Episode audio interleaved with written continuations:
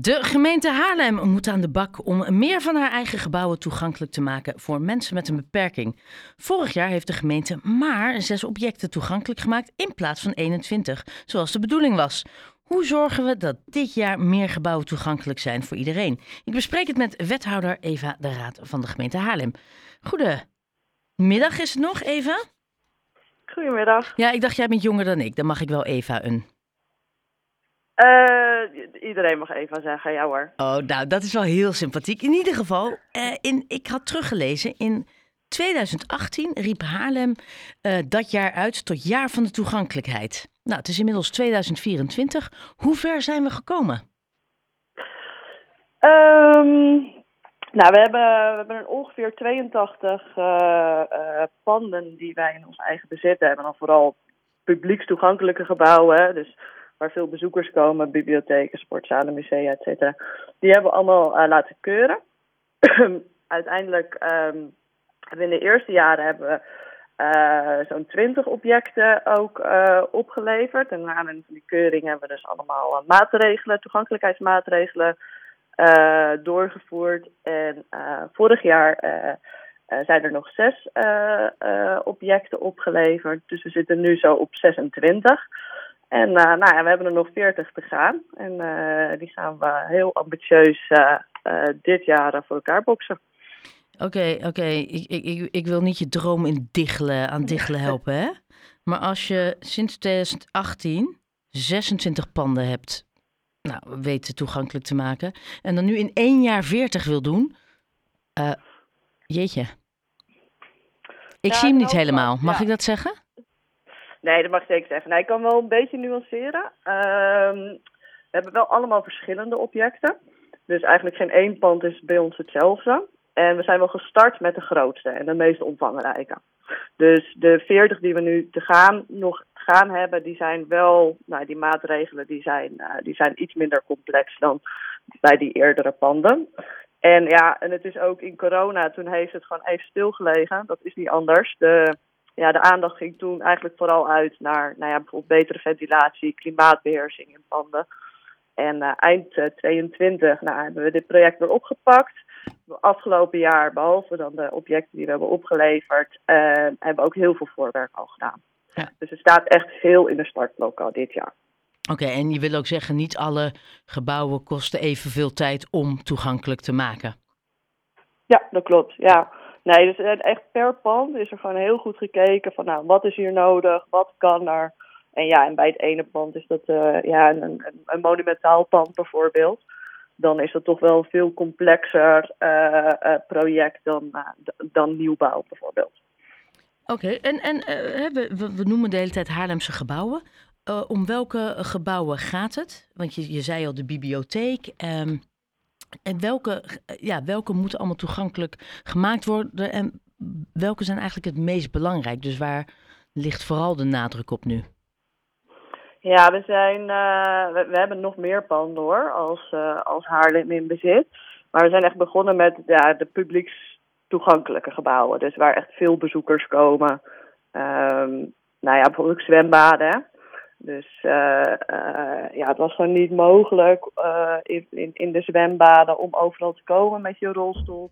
Maar ook niet om bijvoorbeeld in het bad te komen. De tilliften daar aangebracht. En, en minder valide bassins, dus dat mensen rustig het water in kunnen glijden in plaats van erin springen. Nou ja, dat soort, daar is wel echt onze prioriteit naar uitgegaan. veel sportcomplexen. En ja, dat zijn ook de dingen waarvan je wil, ja, dat die Haarlemmers met die beperking, want het is echt een veel grotere groep dan, uh, dan soms wel wordt gedacht, valt mij op. Ja, nou en vooral uh, ook, hè, beperking is zo'n breed begrip. Ja. Dus, want met een beperking kunnen we het hebben over inderdaad mensen die niet goed kunnen lopen, maar we kunnen het ook hebben over mensen die niet kunnen zien. Dus je moet op heel veel verschillende manieren zo'n gebouw dan toegankelijk maken. Ja, ja, en dat is ook een van de dingen dat complex aan is. Uh, want inderdaad, mensen die we minder goed kunnen zien, dan heb je het over maatregelen van nou, stickers op uh, glasbanden bijvoorbeeld. En inderdaad, met een beperking, dan zit je weer met, uh, met een tillift, een fysieke beperking. Dus ja, het, het is breed, maar ongeveer 15% van de Nederlandse bevolking is in mindere of meerdere mate fysiek beperkt. Dus ja, het is echt wel voor een forse groep. En in Haarlem al meer dan 25.000 mensen. Ja, en, en uh, welk budget is hiervoor uitgetrokken? Uh, Oeh, stel maar volgens mij uit mijn hoofd zo'n kleine 4 miljoen. Ja. En is dat haalbaar? He, want uiteindelijk zijn de materialen zijn veel duurder kosten, uh, uh, personeel moeilijker te krijgen. Is er een kans dat we daar overheen gaan? Want hoe je het went of keert, het, het moet gebeuren. Ja, het moet zeker gebeuren. We zitten nu in ieder geval financieel nog, uh, nog goed op schema. Een aantal, een aantal panden die zijn ietsje goedkoper uitgevallen dan we vooraf hadden begroot. Want ja, dat is dus ook het complexe. Elk pand is anders. Uh, dus financieel lopen, we, lopen we goed op schema.